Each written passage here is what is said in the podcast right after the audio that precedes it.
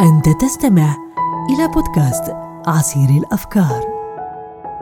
الفكر هو حركة عقلية في المعلومات الحاضرة لأجل الوصول إلى المطلوب، إلى العلم بالمجهول الغائب. بالمجهول الغائب. للأفكار قوة تؤثر على واقعك وتشكله، على سلوكك، على موقفك.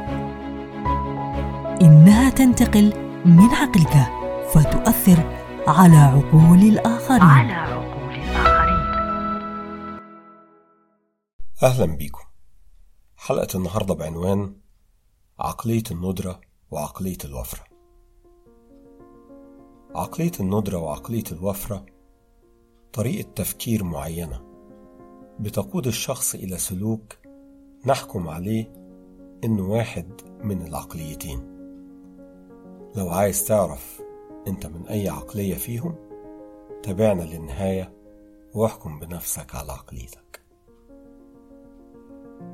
الخوف من المستقبل والهم الملازم للتعامل مع الغد والانشغال بما يكفيك عن الحياة للغد ده شكل من أشكال عقلية الندرة. وطبعا مش هقولك على التعامل مع الفلوس هيكون إزاي والحرص عليها والإحساس الملازم لك إن المال لن يكفي إلا أياما معدودات. صاحب عقلية الندرة عنده قاعدة ماشي بيها في حياته. اللي نعرفه أحسن من اللي ما نعرفوش. فالتغيير صعب جدا على نفسه. الانتقال لعمل جديد تغيير عربيته حتى لو تغيير ستايل ملابسه.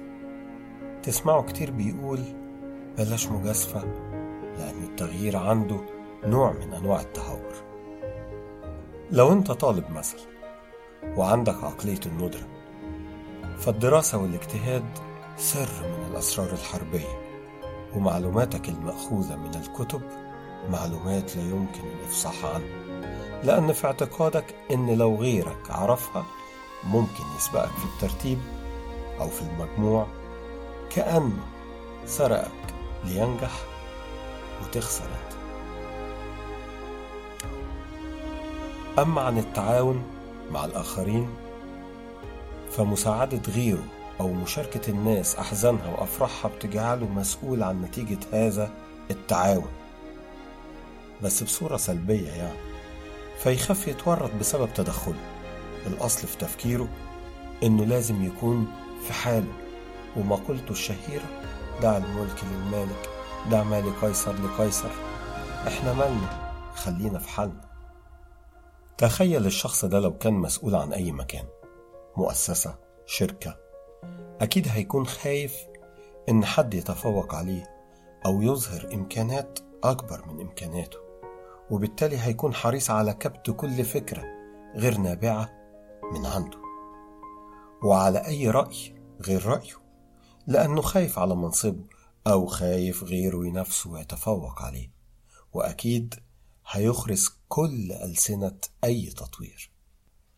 ستيفن كوفي في كتابه الشهير العادة الثامنة اتكلم على صاحب عقلية الوفر وقال هي إيمانك أن هناك فرصا تكفي الجميع وخيرا يكفي الجميع في هذه الدنيا. فلست بحاجة أن تخسر أحدا أو تؤذي أحدا حتى تكسب أنت. القادم أفضل والمستقبل بيحمل الخير ولازم نجتهد عشان نبقى أدينا اللي علينا ده لو عايز تكون من عقلية الوفر إن لكل مجتهد نصيب وإن التغيير ممكن وإنك تملك الشجاعة لتعديل الوضع المحيط بيك حتى لو كان الوسط الصغير المحيط بيك أسرتك جيرانك أصحابك في العمل. مش شرط أبدا عشان أصل لأعلى المراتب والمناصب إن غيري يكون في أدناها ممكن أصل وغيري كمان يصل. ممكن أصل وغيري يساعدني على الوصول أو أساعد غيري على الوصول. ممكن أفوز وهو كمان يفوز. الحياة مش مباراة بينك وبين بقية الناس. الحياة تنافس على الآخرة. مش على الحياة. لو أنت وصلت لمكان أعلى مني لأن ده ممكن يكون الأصلح.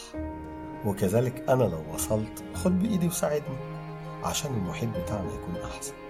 أشدد به أزري وأشركه في أمري. تخيل إن ده طلب سيدنا موسى من رب العالمين لأخيه هارون.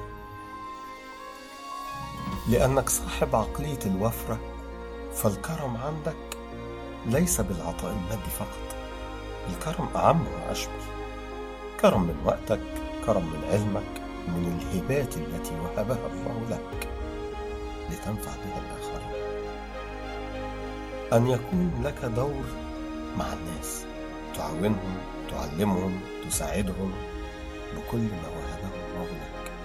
وكما قال إليا أبي ماضي شاعر المهجر المعروف من ليس يسخو بما تسخو الحياة به فإنه أحمق بالحرص ينتحر والنبي صلى الله عليه وسلم قال أن نفسا لن تموت حتى تستكمل أجلها وتستوعب رزقها. كده بنكون وصلنا لنهاية حلقتنا من عصير الأفكار. ورحب بتعليقاتكم على الإيميل سامح dot رشاد dot K at com أو على الواتس 00965 50 46 30 46